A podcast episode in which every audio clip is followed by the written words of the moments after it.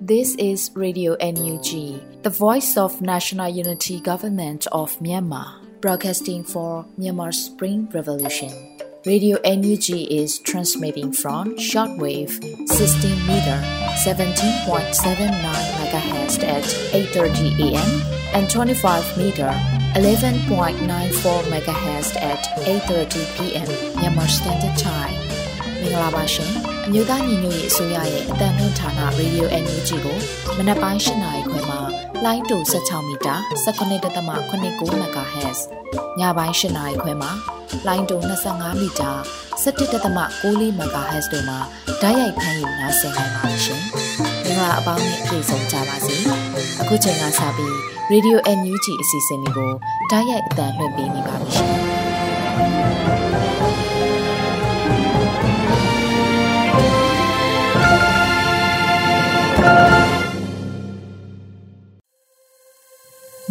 သူနိုင်ငံသားအပေါင်းတဘာဝပေးဆရာနာရှင်ပြီးတို့ကနေကင်းဝေးပြီးကိုစိတ်နှစ်ပါးပေးကင်းလုံခြုံကြပါစေလို့ရေဒီယိုအန်ယူဂျီဖွယ်သားများကဆုတောင်းမေတ္တာပို့သလာရပါတယ်။အခုချိန်ကစပြီးကာကွယ်ရေးဝန်ကြီးဌာနရဲ့စီရေးတရင်ချင်းချုပ်ကိုတော့မျိုးဦးမှမှဖတ်ကြားတင်ပြပေးပါရမရှင်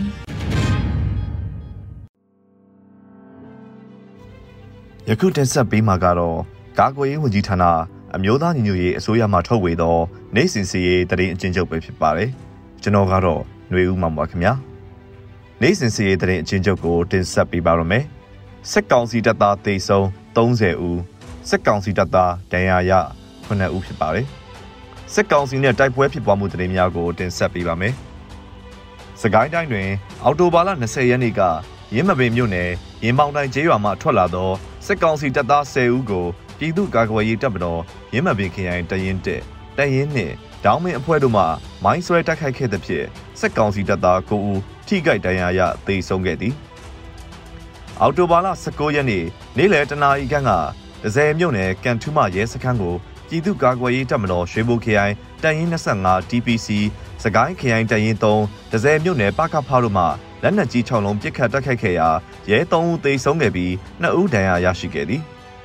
အော်တိုဘာလ19ရက်နေ့နေ့လယ်12နာရီခန့်ကဒဇယ်မြို့နယ်ကန်ကလေးကုန်းရွာကိုစစ်ကြောင်းထိုးဝင်ရောက်လာသောအင်အား120ပါစစ်ကောင်စီတပ်ဖွဲ့ကိုဒဇယ် PDF ပြည်သူ့ကာကွယ်ရေးတပ်မတော်ရွှေဘိုခရိုင်တရင်6နဲ့တရင်9တို့မှစောင့်ကြိုတိုက်ခိုက်ခဲ့ရာပြင်းထန်စွာတိုက်ပွဲဖြစ်ပွားခဲ့ပြီးစစ်ကောင်စီတပ်သား10ဦးသေဆုံးခဲ့ကြောင်းသိရသည်ဆက်လက်ပြီးအောက်တိုဘာလ19ရက်နေ့ကရောင်မြို့နယ်ရွှေဘုံသာရွာမှ ကြောက်ရည်ရဲစခန်းသို့ပြန်နေသောစစ်ကောင်စီစစ်ကြောင်းကို CDSON အဖွဲ့နဲ့စော်ဘွားကြီးအဖွဲ့မှနှစ်ကြိမ်မိုင်းဆွဲတိုက်ခိုက်ခဲ့သည်ထို့နောက်အဆိုပါစစ်ကြောင်းကိုပင်ပြည်သူ့ကာကွယ်ရေးတပ်မတော်စကိုင်းခရိုင်တရင်နှင့်တက်ခွဲသုံးမှလည်းထပ်မံပစ်ခတ်တိုက်ခိုက်ခဲ့ရာစစ်ကောင်စီတပ်သား2ဦးဒဏ်ရာရရှိခဲ့ကြောင်းသိရသည်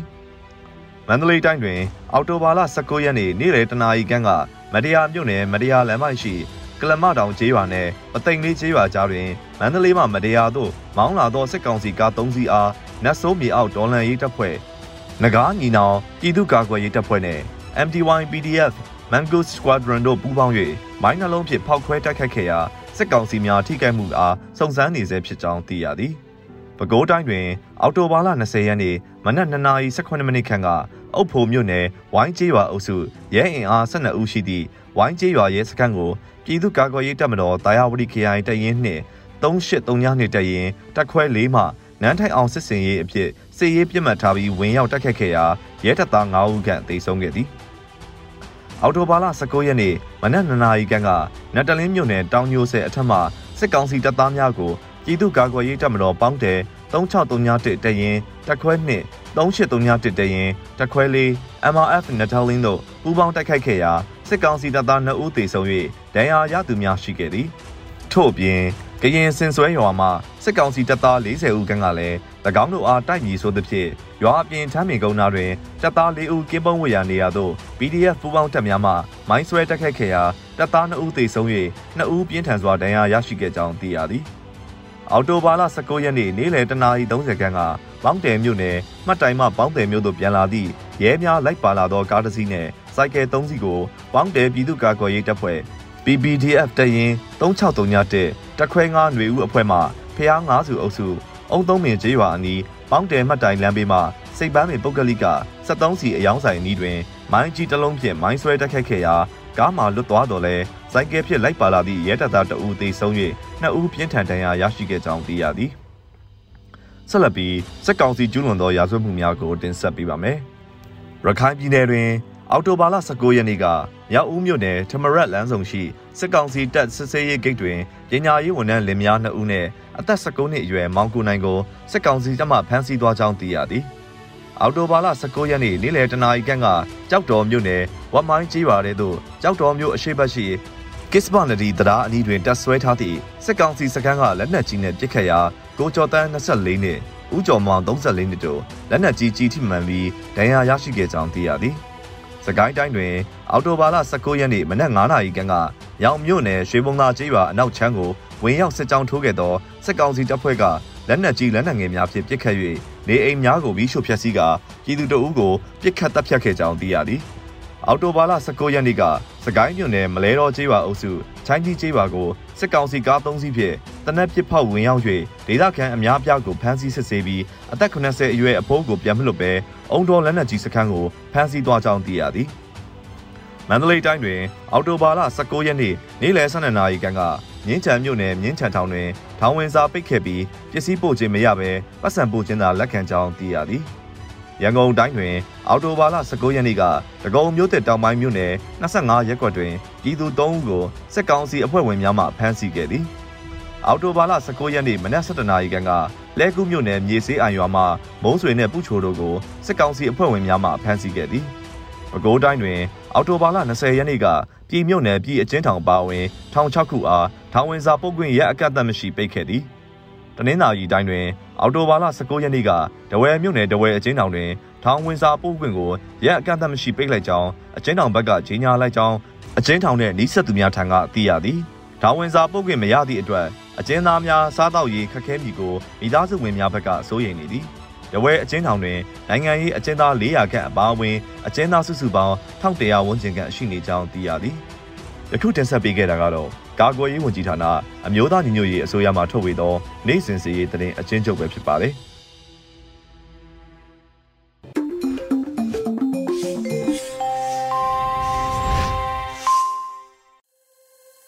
ဗီဒီယိုအန်ယူဂျီရဲ့မနက်ခင်းစီစဉ်တွေကိုဆက်လက်တင်ပြနေပါတယ်။အခုဆက်လက်ပြီးနားဆင်ကြရမှာကတော့နောက်ဆုံးရသတင်းများဖြစ်ပါတယ်။ຫນွေဦးမိုင်မှဖတ်ကြားတင်ပြပေးပါမယ်ရှင်။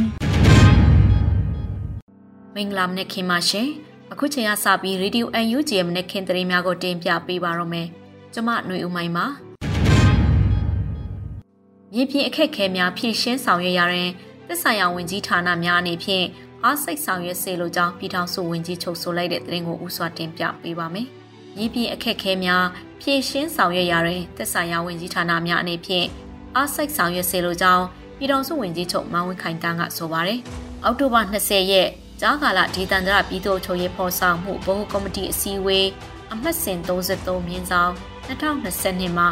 ဝန်ကြီးချုပ်ကပြောကြားခဲ့ပါတယ်။မိမိတို့ကော်မတီသည်အမျိုးသားညီညွတ်ရေးအစိုးရ၏ဖွဲ့စည်းထားသည့်ကော်မတီများထဲတွင်ဖွဲ့စည်းပုံကြီးမားသည့်ကော်မတီတရက်ဖြစ်ပါကြောင်းကော်မတီတွင်ဝင်ကြီးဒုတိယဝင်ကြီးအတွင်းဝင်များပါဝင်ဖွဲ့စည်းထားသည့်အတွက်လုပ်ငန်းများလည်းများပြားပါကြောင်းလုပ်ငန်းများဆောင်ရွက်ရာတွင်လည်းအဆင့်ဆင့်ဆောင်ရွက်ရပါကြောင်း ထို့တုတ်ဆောင်ရွက်ရာတွင်ချမှတ်ထားသည့်မူဝါဒများနဲ့လှုပ်ဆောင်နိုင်မှုများတွင်တော်လှန်ရေးကာလဖြစ်သဖြင့်အခက်ခဲများလည်းရှိပါကြောင်းဤပြင်အခက်ခဲများသည့်ဖြည့်ရှင်းဆောင်ရွက်ရာတွင်သက်ဆိုင်ရာဝန်ကြီးဌာနများအနေဖြင့်အားစိတ်ဆောင်ရွက်စေလိုပါကြောင်းကာကွယ်ရေးနှင့်ပြည်ထရေးဝန်ကြီးဌာနများသည်ဤကော်မတီတွင်အရေးကြီးသည့်ဝန်ကြီးဌာနများဖြစ်သဖြင့်ပို့မှုအားစိတ်ဆောင်ရွက်စေလိုပါကြောင်းဝန်ကြီးချုပ်ကဆိုပါတယ်။တရောက်လာကြသောကြားကာလဒေသန္တရပြည်သူ့ချုပ်ရေးဖော်ဆောင်မှု ဗဟိုကော်မတီအဖွဲ့ဝင်များမှ30နှစ်မြင်းဆောင်2022တွင်ချမှတ်ထားသောဆုံးဖြတ်ချက်များရှေ့လုပ်ငန်းစဉ်များနှင့်ပတ်သက်၍ပြီးစီးမှုအခြေအနေများနှင့်ဆက်လက်ဆောင်ရွက်ရန်ကြံရှိနေသည့်လုပ်ငန်းစဉ်များကိုချပြရှင်းလင်းပြီးဝင်ကြီးဌာနလိုက်ဆောင်ရွက်ထားရှိသည့်ကိစ္စရပ်များပေါ်တက်ရောက်လာသောတာဝန်ရှိသူများမှအကျယ်တဝင့်ဆွေးနွေးခဲ့ကြပါတယ်။အစည်းအဝေးသို့ကြားကာလဒေသန္တရပြည်သူ့ချုပ်ရေးဖော်ဆောင်မှုဗဟိုကော်မတီဥက္ကဋ္ဌပြည်တော်စုဝင်ကြီးချုပ်မန်ဝင်းခိုင်ကဦးဆောင်၍ ဒုတိယဥက္ကဋ္ဌ1ပြည်ထရေးနဲ့လူမှုကြီးကြပ်ဝင်ကြီးဌာနပြည်တော်စုဝင်ကြီးဦးလုံကိုလက်ပါဝင်ဗဟိုကော်မတီအဖွဲ့ဝင်ပြည်ထောင်စုဝင်ကြီးများဒုတိယပြည်ထောင်စုဝင်ကြီးများအမြဲတမ်းအတွင်းဝင်များဌာနဆိုင်ရာများမှတာဝန်ရှိသူများတက်ရောက်ခဲ့ကြပါရရှင်။နိုင်ငံခြားရေးဝန်ကြီးဒေါ်စင်မအောင်က Association for World Election Body AWEP ထံကန့်ကွက်စာပေးပို့တဲ့သတင်းကိုတင်ပြပေးပါမယ်။နိုင်ငံခြားရေးဝန်ကြီးဒေါ်စင်မအောင်က Association of World Election Bodies AWEP ထံကန့်ကွက်စာပေးပို့ခဲ့ပါတယ်။အောက်တိုဘာ20ရက်နေ့ညပိုင်းမှာနိုင်ငံခြားရေးဝန်ကြီးဌာနပြည်ထောင်စုဝန်ကြီးဒေါ်စင်မအောင်ကတည်ပေးဖော်ပြပါတယ်။ Association of All Election Bodies AWEP ကအကြမ်းဖက်စစ်ကောင်စီရွေးကောက်ပွဲတာဝန်ခံများကို AWEBE အထွေထွေညီလာခံသို့တက်ရောက်ရာဖိတ်ကြားခဲ့သဖြင့်အဆိုပါဖိတ်ကြားမှုအားကန့်ကွက်ကြောင်းကန့်ကွက်စာကိုအမျိုးသားညီညွတ်ရေးအစိုးရ နိုင်ငံခြားရေးဝန်ကြီးဒေါ်စင်မအောင်မှ AWEB ထံသို့ပေးပို့ခဲ့ပါတယ်လို့ဖော်ပြပါတယ်။ကန့်ကွက်စာအရအမျိုးသားညီညွတ်ရေးအစိုးရဟာလက်ရှိအချိန်မှာတရားဝင်အစိုးရဖြစ်ကြောင်းမြန်မာစစ်တပ်ဟာ2021ခုနှစ်ဖေဖော်ဝါရီလရက်နေ့မှာအာဏာသိမ်းယူခဲ့ကြောင်း၎င်းစစ်တပ်ဟာအစိုးရအကြီးအကဲများဖြစ်တဲ့သမရဦးဝင်းမြင့်နဲ့နိုင်ငံတော်၏အတိုင်ပင်ခံဒေါ်အောင်ဆန်းစုကြည်ပါဝင်2020ရွေးကောက်ပွဲကော်မရှင်ဖွဲ့ဝင်များကိုမတရားဖမ်းဆီးထားတယ်လို့ စသဖြင့်ပေါ်ပြတည်ပေးထားပါရရှင်။ဆက်လက်ပြီး NUG Federal ပြည်ထောင်စုဝန်ကြီးဒေါက်တာလျံမူးစာခေါင်ကိုရီးယားပါတီအသီးသီးမှလွှတ်တော်အမတ်3ဦးနဲ့တွေ့ဆုံတဲ့သတင်းကိုတင်ပြပေးပါမယ်။ NUG Federal ပြည်ထောင်စုဝန်ကြီးဒေါက်တာလျံမူးစာခေါင်ကိုရီးယားပါတီအသီးသီးမှလွှတ်တော်အမတ်3ဦးနဲ့တွေ့ဆုံခဲ့ပါတယ်။ကိုရီးယားသမ္မတနိုင်ငံသို့ရောက်ရှိနေသည့်ပြည်ထောင်စုသမ္မတမြန်မာနိုင်ငံတော်အမျိုးသားညီညွတ်ရေးအစိုးရ NUG ဖက်ဒရယ်ပြည်ထောင်စုရေးရာဝန်ကြီးဌာန၏ပြည်ထောင်စုဝန်ကြီးဒေါက်တာလျံမူးစာခေါင်ကိုရီးယားပါတီအသီးသီးမှလွှတ်တော်အမတ်များကစောလ်မျိုးရှိကိုရီးယားပြည်သူလွှတ်တော်တွင်ရင်းနှီးရုံခံများတွင်တိချတွေ့ဆုံခဲ့ပါတယ်။တရားမျှတရေးပါတီမှအမျိုးသမီးလူငယ်လွှတ်တော်အမတ်ဖြစ်သူ Mrs. Jang Hee Yuan နဲ့တွေ့ဆုံဆွေးနွေးရာသူမကမြန်မာနိုင်ငံတွင်အာဏာသိမ်းစစ်တပ်မှနိုင်ငံရေးလှုပ်ရှားသူများကိုတေတံပေးခြင်းအပေါ်မိမိတို့ပါတီနဲ့ကိုရီးယားပြည်သူလူထုက လုံးဝလက်ခံနိုင်ခြင်းမရှိကြောင်းဆက်လက်ပြီးစစ်ကောင်စီမှတေတံစီရင်အမိန့်ချမှတ်ခံထားရသူဒီမိုကရေစီရေးလှုပ်ရှားသူများစွာရှိနေသေးကြောင်းကြားသိထားရပါသဖြင့်ကိုရီးယားလွှတ်တော်မှတရားဝင်ကန့်ကွက်တောင်းဆိုမှုဖြစ်ပေါ်လာနိုင်ရန်မိမိတို့ပါတီအနေဖြင့်အပြည့်အထန်လှုပ်ရှားသွားမည်ဖြစ်ကြောင်းကြိပြုပြောကြားခဲ့ပါတယ်။ဒီမိုကရက်တစ်ပါတီမှလွှတ်တော်အမတ်ဖြစ်သူမစ္စတာကိုယောင်အင်းနဲ့တွေ့ဆုံရရင်မစ္စတာကိုမှမိမိတို့ဒီမိုကရက်တစ်ပါတီအနေဖြင့် မြန်မာဒီမိုကရေစီအရေးကိုအစဉ်တစိုက်အားပေးထောက်ခံခဲ့ကြောင်းယခုနှစ်တွင်တွင် အာဏာရနဲ့အတိုက်ခံလွှတ်တော်အမတ်80ကျော်ဖြင့်ကော်မတီတရက်ဖွဲ့စည်းထားပြီး NUG အစိုးရကိုကိုရီးယားအစိုးရမှအတိမတ်ပြုနိုင်ရအတွက်လွှတ်တော်တွင်ကြိုးပမ်းဆောင်ရွက်သွားမည်ဖြစ်ကြောင်းကတိပြုပြောကြားခဲ့ပါတယ်။အလားတူအခြေခံလစာပါတီမှအမျိုးသမီးလွှတ်တော်အမတ်ဖြစ်သူ Mrs. Yong Hee In ကဒီမိုကရေစီနဲ့လူခွင့်ရေးကိုလေးစားမြတ်နိုးသူတိုင်း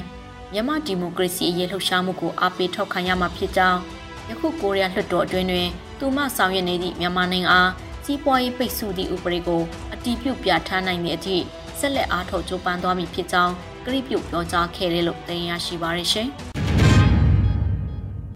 ဆက်လက်ပြီးຫນွေဦးတော်လှန်ရေးဟာအမှုမဲ့အမှတ်မဲ့ချီတက်နေတာမဟုတ်ပဲပြည်သူပေးတဲ့အားနဲ့ရှေ့ဆောင်ချီတက်နေတယ်လို့ပြည်ထောင်စုဝန်ကြီးဦးတင်ထွန်းနိုင်ဆိုတဲ့သတင်းကိုတင်ပြပေးပါမယ်။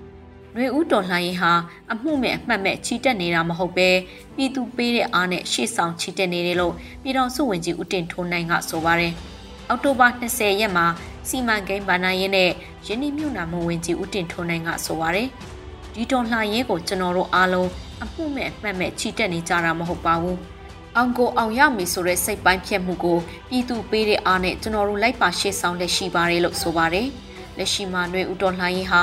တနှစ်ကျော်ကာလအတွင်းကိုရောက်ရှိလာခဲ့ပြီး၎င်းကာလအတွင်းမြို့နယ်36မြို့နယ်ကိုစိုးမိုးထိန်းချုပ်နေမည်ဖြစ်အကောင့်ထဲပေါ်ဆောင်နိုင်ခဲ့ပါတယ်။ဟိုကဒီဒီကဟိုတောတွေကိုဖျက်တောင်တွေကိုကျော်မြေပြင်အနှံ့စွမ်းသမျှကြိုးတုပ်လှည့်ရှိပါတယ်။ဒီအရေးတော်ပုံမအောင်မြင်စရာဘာအကြောင်းမှမရှိလို့ဝင်းကြီးဦးတင်ထွန်းနိုင်ကဆိုပါရရှင်။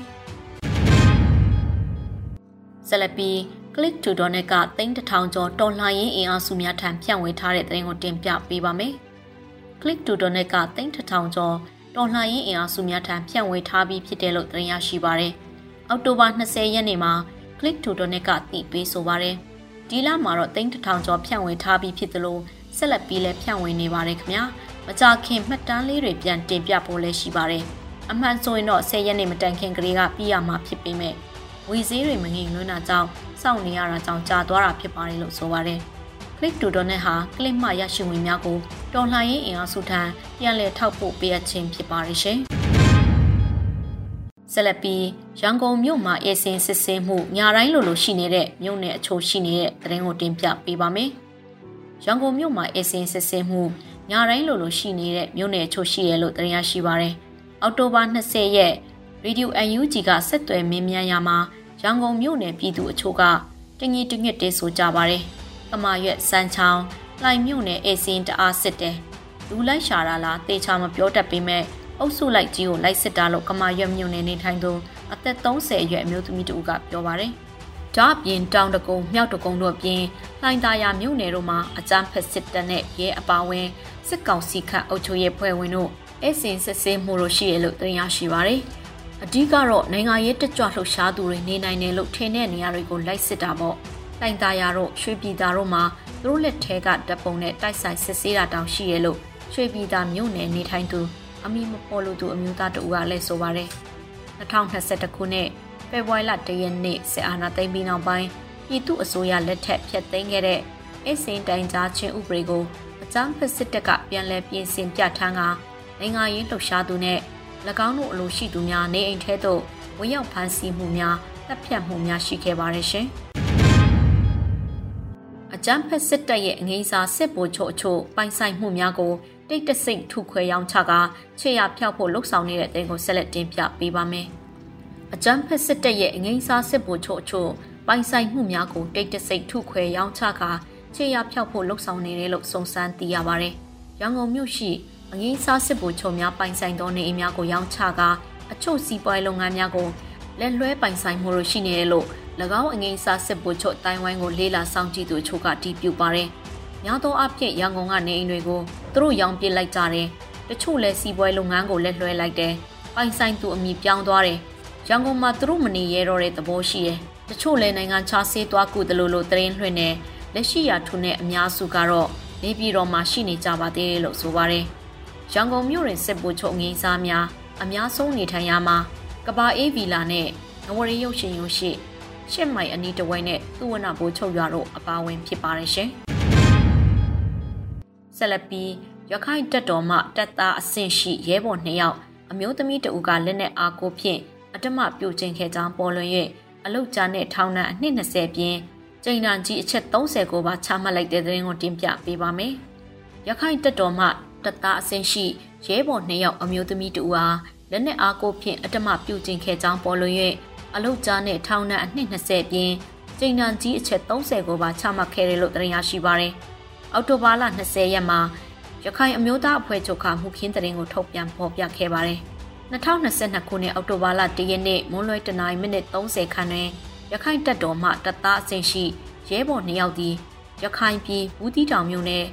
ကျောင်းတောင်ကျေးရွာအုပ်စုနှင့်အသက်30ရွယ်အိမ်ထောင်တဲ့အမျိုးသမီးတို့အား၎င်း၏နေအိမ်၌လက်နက်အားကိုဖြင့်အတမပြုတ်ကျင့်ခဲ့သည်ဟုကျူးလွန်ခံရသူမှတိုင်တန်းလာသောကြောင့်ရခိုင်တပ်တော်နေဖြင့်ရင်မှုအားစစ်ခုံရုံးဖွဲ့၍စနစ်တကျစုံစမ်းစစ်ဆေးခဲ့တယ်လို့ဆိုပါတယ်။ရခိုင်တပ်တော်စစ်ခုံရုံးအဖွဲ့မှကျူးလွန်သူတရခါနှစ်ဦးကျူးလွန်ခံရသူမိသားစုအခင်းဖြစ်ပွားရာအနီးပတ်ဝန်းကျင်မှတစ်တေအချို့အားဆယ်ရက်ခန့်တေချစွာဆက်ဆေးပြီးနောက်ပြစ်မှုကျူးလွန်သူနှစ်ဦးစလုံးမှာ ပြစ်မှုမြောက်ကြောင်းထင်ရှားသည့်အပြင်တပ်ဖက်ဆိုင်ရာစီဟန်ထိန်ထိန်ရဲ့အထူးတားမြစ်ချက်ကိုပါချိုးဖောက်ထားကြောင်းတွေ့ရှိရတယ်လို့ဖော်ပြပါရယ်။အဆိုပါတပ်သားနှစ်ယောက်မှလည်း၎င်းနေ့ရက်၌၎င်းတို့ဟာခွင့်ပြုချက်များပဲအရက်သေးစာတောက်စားမှုရဲ့ပြီးနောက်အမှန်တကယ်အတ္တမပြုတ်ကျင်ခဲ့ကြောင်းနှစ်ယောက်စလုံးမှကိုယ်တိုင်ဝန်ခံထွက်ဆိုခဲ့ပါတယ်။ထို့ကြောင့်အဆိုပါပြစ်မှုကျူးလွန်ခဲ့သူတပ်သားနှစ်ယောက်အားတပ်တော်၏စစ်ဥပဒေနှင့်အညီ2022ခုနှစ်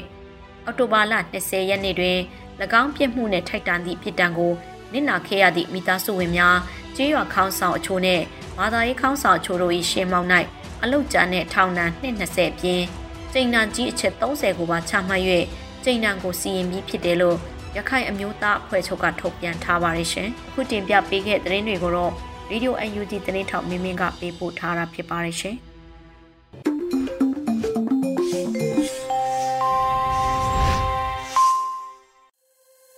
ရေဒီယိုညူချီမှာဆက်လက်တင်ပြနေပါတယ်။ဒီနေ့ရဲ့တော်လိုင်းတီဂီတာစီစဉ်မှာတော့တေးတေးဆိုပါပင်ရဲ့လွတ်မြောက်ခြင်းမိရင်ကိုအမည်ရတဲ့တော်လှန်ရေးတေးဂီတာကိုနားဆင်ကြရတော့မှာဖြစ်ပါတယ်ရှင်။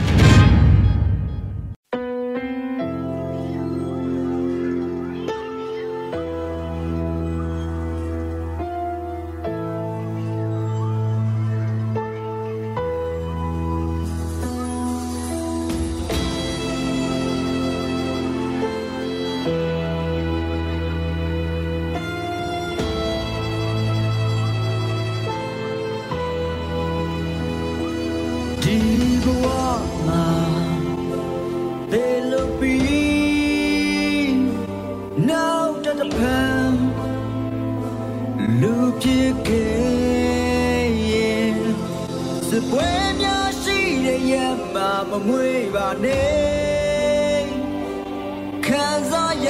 တဲ့နာချီရတဲ့ဈေးကွယ်ရတဲ့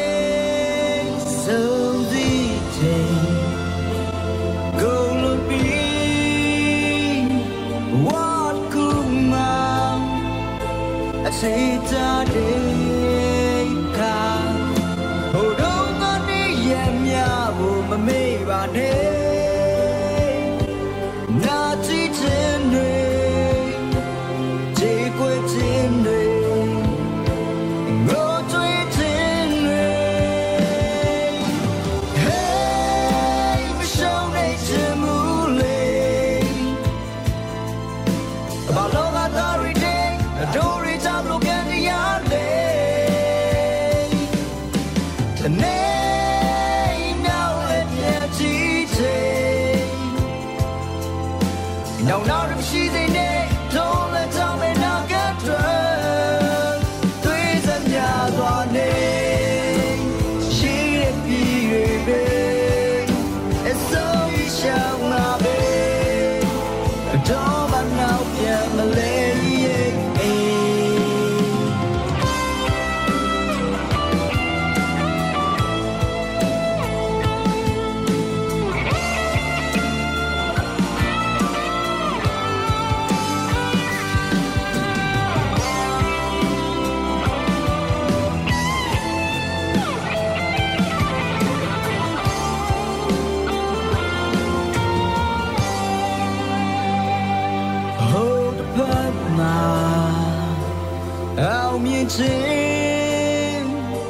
Shall Louis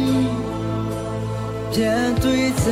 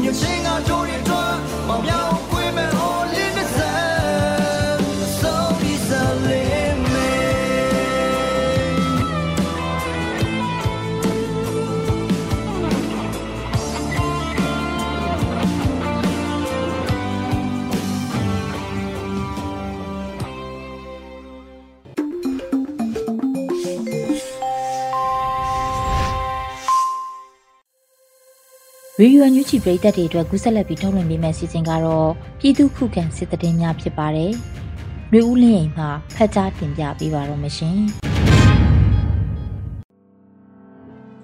ပထမဆုံးအနေနဲ့ပေါင်းမြို့နယ်ရှိကျေးရွာတွေကိုမီးရှို့ပြန်လာတဲ့စစ်ကောင်စီတပ်ဖွဲ့ဒရုန်းနဲ့ပုံကျဲခံရတဲ့တဲ့ရင်ကိုတင်ဆက်ပေးမှာပါ။ မကွေးတိုင်းပေါင်းမြို့နယ်မှာကျေးရွာတွေကိုမီးရှို့ပြီးပြန်လာတဲ့အကြမ်းဖက်စစ်တပ်နဲ့ပြူစောထီတွေကို Anonymous Special Task Force ပေါအဖွဲ့နဲ့ပကဖရီပူးပေါင်းပြီးမနေ့ကအောက်တိုဘာ19ရက်နေ့မှာဒရုန်းနဲ့ပုံကျဲတိုက်ခိုက်ခဲ့ကြောင်းသတင်းရရှိပါရယ်။ပေါင်းမြို့နယ်ဖျားကြောင်ရွာရွှေပေါင်းလောင်းဖျားကုန်းမှာတက်ဆွေထားတဲ့အဆိုပါစစ်ကောင်စီတပ်ဖွဲ့ကိုဒရုန်းနဲ့ဘုံသီး၃လုံးကျဲချတိုက်ခိုက်ခဲ့ပြီးရေပြကျေးပါရှိစစ်ကောင်စီစခန်းကိုဘုံသီး၃လုံးထပ်မံကျဲချတိုက်ခိုက်ခဲ့တာပါ။ အဆိုပါစစ်ကောင်စီတပ်ဖွဲ့ဟာအောက်တိုဘာလ12ရက်နေ့မှာစတင်ပြီးပေါင်းမြို့နယ်တောင်ပိုင်းကိုဝင်ရောက်ခါကျေးရွာပေါင်း၈ရွာကိုမီးရှို့ခဲ့တယ်လို့ CDM ကျောင်းဆရာကိုခေါင်းဖြတ်တက်ခဲ့တဲ့အဖွဲ့ပါနောက်ဆုံးအနေနဲ့ရင်းမပင်ရင်မောင်နိုင်ရွာမှထွက်လာတဲ့စစ်ကြောင်းမိုင်းဆွဲတိုက်ခိုက်ခံရပြီးကိုဦးသေဆုံးတဲ့တဲ့ရင်ကိုတင်ဆက်ပေးပါမယ်စကိုင်းတိုင်းရေမပင်မြို့နယ်ရင်ပေါင်တိုင်းရွာမှထွက်လာတဲ့စစ်တပ်စစ်ကြောင်းမိုင်းဆွဲတိုက်ခိုက်ခံရပြီး၉ဦးသေဆုံးကြောင်းရေမပင်ခရိုင်တပ်ရင်းနှင့်မှတာဝန်ရှိသူတအုပ်ကပြောပါရယ်။ အော်တိုဘာလ20ရက်နေ့မနက်မှာရေမောင်နိုင်ရွာမှာတက်ဆွဲထားတဲ့အကြမ်းဖက်စစ်တပ်စစ်ကြောင်းကကြေးရွာအတွင်းမှာထွက်ခွာလာစဉ်ဒေသခံကာကွယ်ရေးတပ်ဖွဲ့တွေကမိုင်းဆွဲတိုက်ခိုက်ခဲ့ခြင်းဖြစ်ကြောင်းသိရပါတယ်ရှင်။